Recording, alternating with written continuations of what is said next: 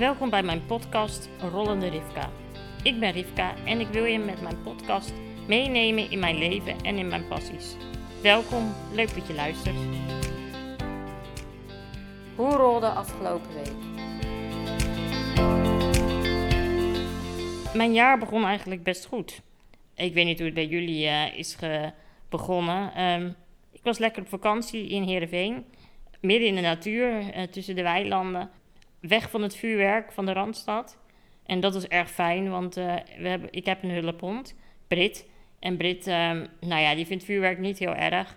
Maar om nou in een waar uh, in een waar oorlogsgebied met haar te belanden, vinden we iets te ver gaan. Dus um, vandaar dat ik eigenlijk al jaren met mijn ouders uh, in de kerstvakantie lekker weg ben. En daar hebben we van genoten.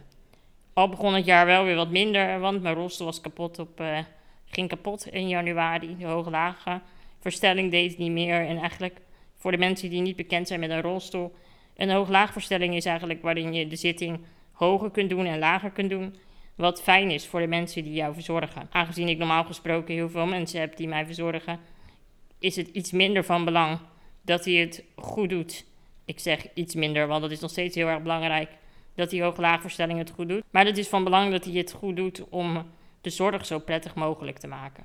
Nou ja, die was kapot, dus um, dat was wel echt even heel erg balen. Maar goed, uiteindelijk is hij uh, vrij snel, uh, is hij woensdagmiddag gerepareerd, dus dat was heel erg fijn. Kon ik daarna me weer uh, goed laten verzorgen op een fijne manier voor zowel mijn zorgverleners als voor mij. Nou ja, daarna hadden we alweer gelijk maandag een ziekenhuisbezoek aan de bijzondere tandheelkunde. Door mijn spierziekte is mijn mondopening niet heel erg groot. En dat maakt dus dat het um, ja, best wel een opgave is om mij uh, te behandelen uh, op, uh, aan mijn tanden. Ja, dit wordt helaas bij de spierziekte en dat is wel even balen. En ook eigenlijk wel spannend, want mijn mond kan maar 9 mm open.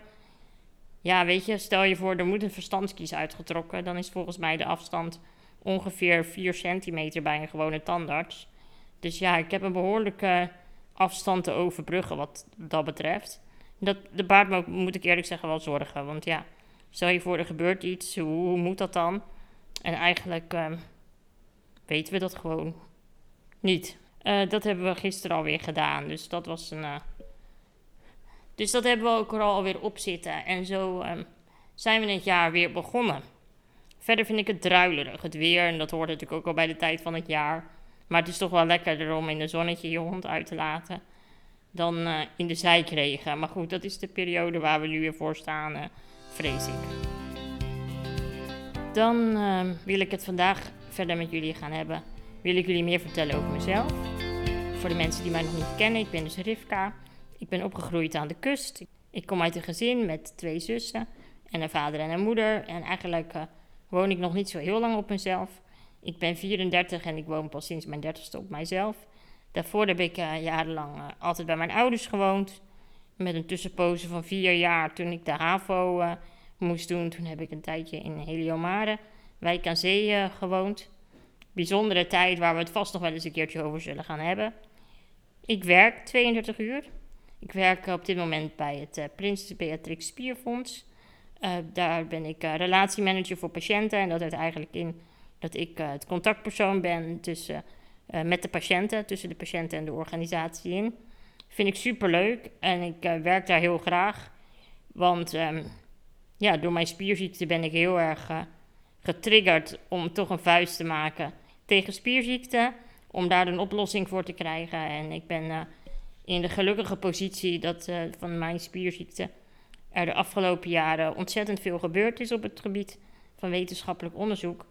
En dat maakt dus dat ik, um, ja, dat ik in de gelegenheid ben om um, uh, deel te nemen aan onderzoeken naar deze spierziekte. Maar heel veel patiënten zijn dat niet.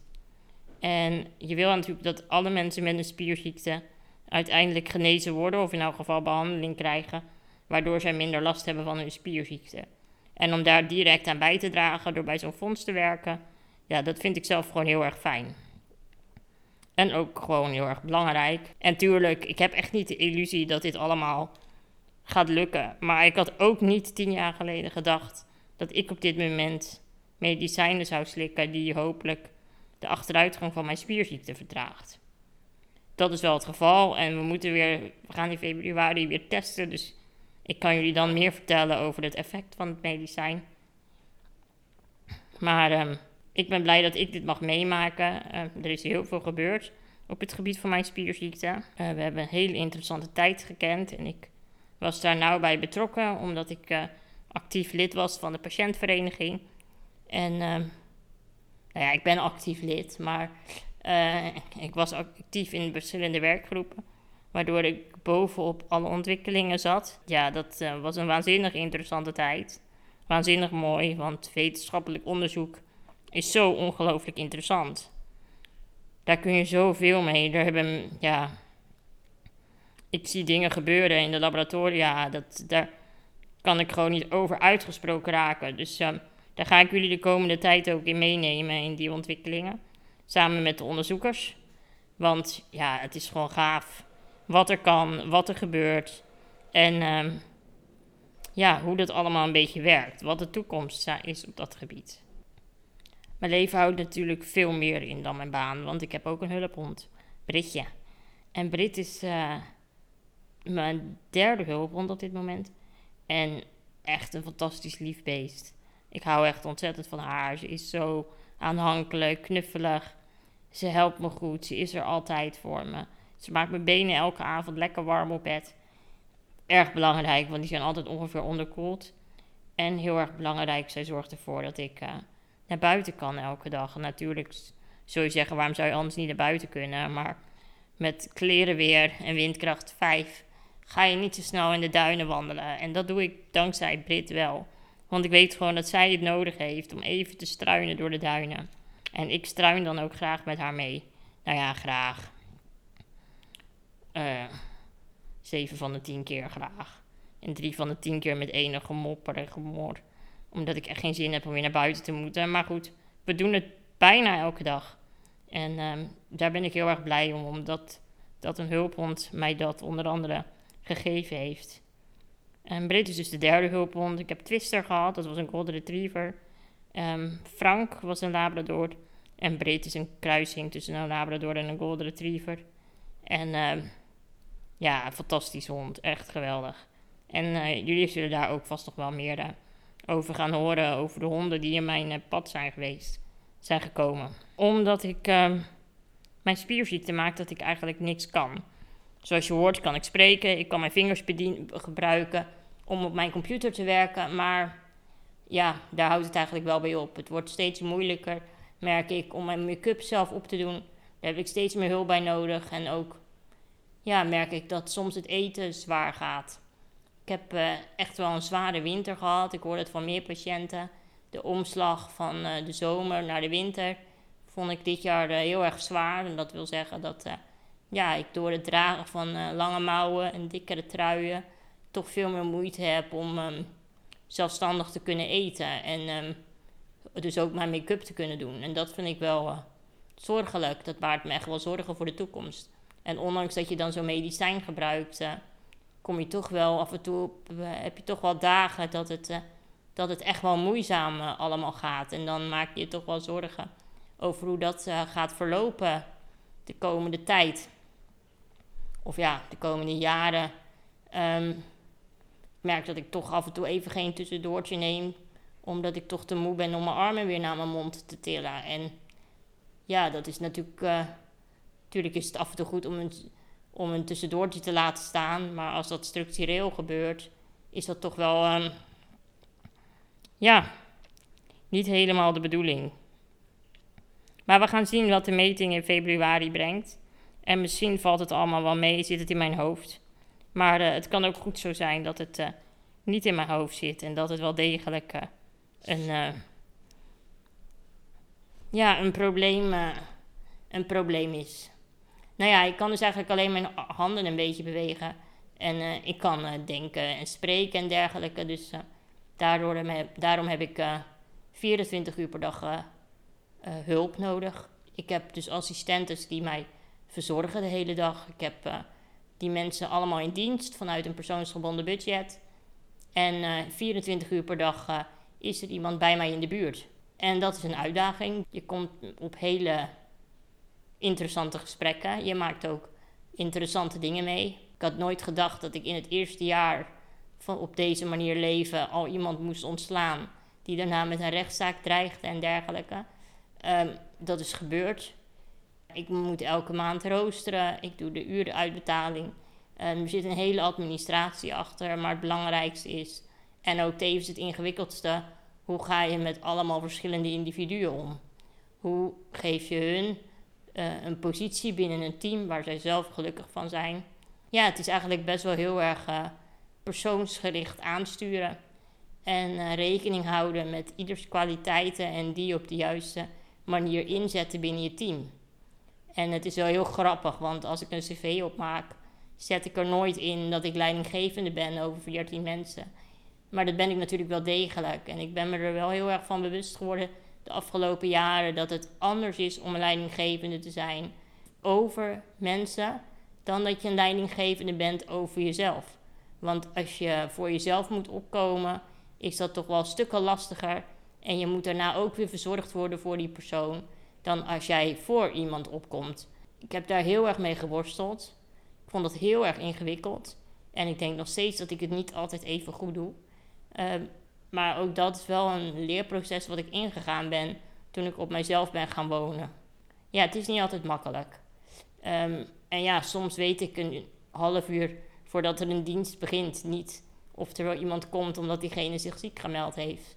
En dat blijven spannende momenten. De eerste jaren heb ik daar heel veel last van gehad.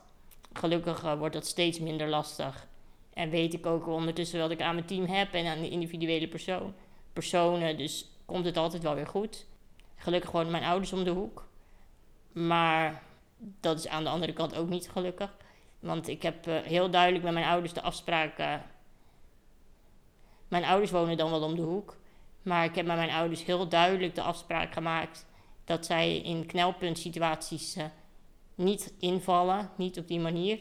Want ik wil toch gewoon heel graag dat het team het oplost en dat mijn ouders gewoon weer, of nou ja, weer, vroeger waren ze dat ook niet, dat mijn ouders gewoon mijn ouders kunnen zijn en niet continu hoeven komen aan te rennen als er een, als er een groot probleem hier is op personeel, personeelsvlak. Natuurlijk helpen ze wel eens hier en daar. En zeker als ik ziek ben, dan springen ze bij, omdat zij gewoon dan het allerbeste weten hoe ik verzorgd moet worden. Um, en ik dan niet de energie heb om alles uit te leggen. Maar ja, ik heb er toch wel naar gestreefd een team te creëren wat zichzelf managt. En niet waar mijn ouders um, bij hoeven te helpen. Maar goed, ik denk iedereen, dat iedereen wel snapt dat een uh, loonlijst van ongeveer 14 mensen uh, ja, soms ingewikkeld is. En een zware en een grote verantwoordelijkheid. En ik verbeterde mezelf met zwaar. Um, want de verantwoordelijkheid op dat gebied is niet zwaar. Maar het is wel zwaar om altijd te moeten blijven vechten voor je zelfstandigheid. En dit is een van de dingen daar, die dat creëert. Maar ik denk dat heel veel mensen onderschatten dat het zijn van een handicap, of het hebben van een handicap, sorry, dat dat eigenlijk nog een baan ernaast is. Want ja, de, een van de personeelsleden zie ik even achteraan, even bellen hoe het gaat, vervangingen regelen. Dan heb je natuurlijk ook nog de kapotte rolstoelen die af en toe voorbij komen, kapotte hulpmiddelen. Het zijn veel, uh, het zijn ingewikkelde dingen waar je mee te maken hebt. En soms ben je daar gewoon te moe voor. Soms wil je het gewoon even niet meer, wil je gewoon een normaal leven hebben. Maar ja, dan hebben we ook weer de vraag: wat is een normaal leven? Want ja, ik weet niet anders dan uh, hoe mijn leven op dit moment loopt. En ik ben heel erg blij dat ik uh, op, de op de hoogst mogelijke wijze van zelfstandigheid kan leven. Daar ben ik echt heel dankbaar voor. En ik ben me er heel erg van bewust dat dat niet voor iedereen mogelijk is. Maar ja, ik ben me er dus ook van bewust dat het heel erg ingewikkeld is om dit voor elkaar te krijgen. En dat het een dagtaak aan zich is om te vechten voor die zelfstandigheid. Een heel simpel voorbeeld. De motor van mijn rolstoel maakt een gek geluid. Dat maakt hij al een paar dat maakt hij echt al sinds november. Dus eind november heb ik de reparateur van mijn rolstoel gebeld. van... Jongens, mijn rolstoel maakt echt een raar geluid in de motoren. Kan er naar gekeken worden? Ja, dan komen ze langs. Ja, oké, oké. Ja, ik wil graag nieuwe motoren. Ja, maar ja, je staat nog niet stil. Nee, dat klopt, maar ik wil dat wel graag voorkomen dat ik stilsta. Ja, nee, dat snappen we. Ja, hoe oud is de rolstoel? Nou, zo oud. Ja, ja, nou ja, dan... ehm, ja, nee, dan, dan gaan we wel nieuwe motoren aanvragen. Nou, dat was 26 november. Op dit moment dat ik dit opneem is het 10 januari. En ik ben nog steeds niet gebeld dat er nieuwe motoren binnen zijn. En ze hebben gezegd dat ik deze rolstoel moest nemen, geadviseerd, omdat van deze rolstoel altijd alle onderdelen op voorraad zijn. Maar we zijn nu zoveel weken verder en natuurlijk hebben we de kerstdagen en de feestdagen. En natuurlijk hebben we Oekraïne en we hebben Rusland, want dat wordt ook te pas en te onpas gebruikt voor de problemen in de wereld. Maar ja, hoe lang blijft mijn rolstoel rijden? En hoe, hoe snel is er daarna wel echt een nieuwe motor? En zo moet je dus proberen vooruit te denken. Moet je daarop anticiperen, wetende dat de organisaties om jou heen, de instanties, niet in anticiperen op dingen die in de toekomst kunnen gebeuren. Maar je moet het maar laten spaak lopen, want dan pas komt er een oplossing. Dat geldt eigenlijk ook voor een nieuwe elektrische rolstoel. Ik denk dat de meeste mensen er geen enkel idee van hebben hoe lang het duurt voordat je een nieuwe aangepaste rolstoel hebt. En ik kan u vertellen dat dat ongeveer anderhalf jaar duurt als je in mijn geval een zeer specifieke aangepaste rolstoel nodig hebt. Anderhalf jaar. Ja, ik vind dat ze. Ik begrijp dat en ik weet hoe dat allemaal nu werkt ondertussen.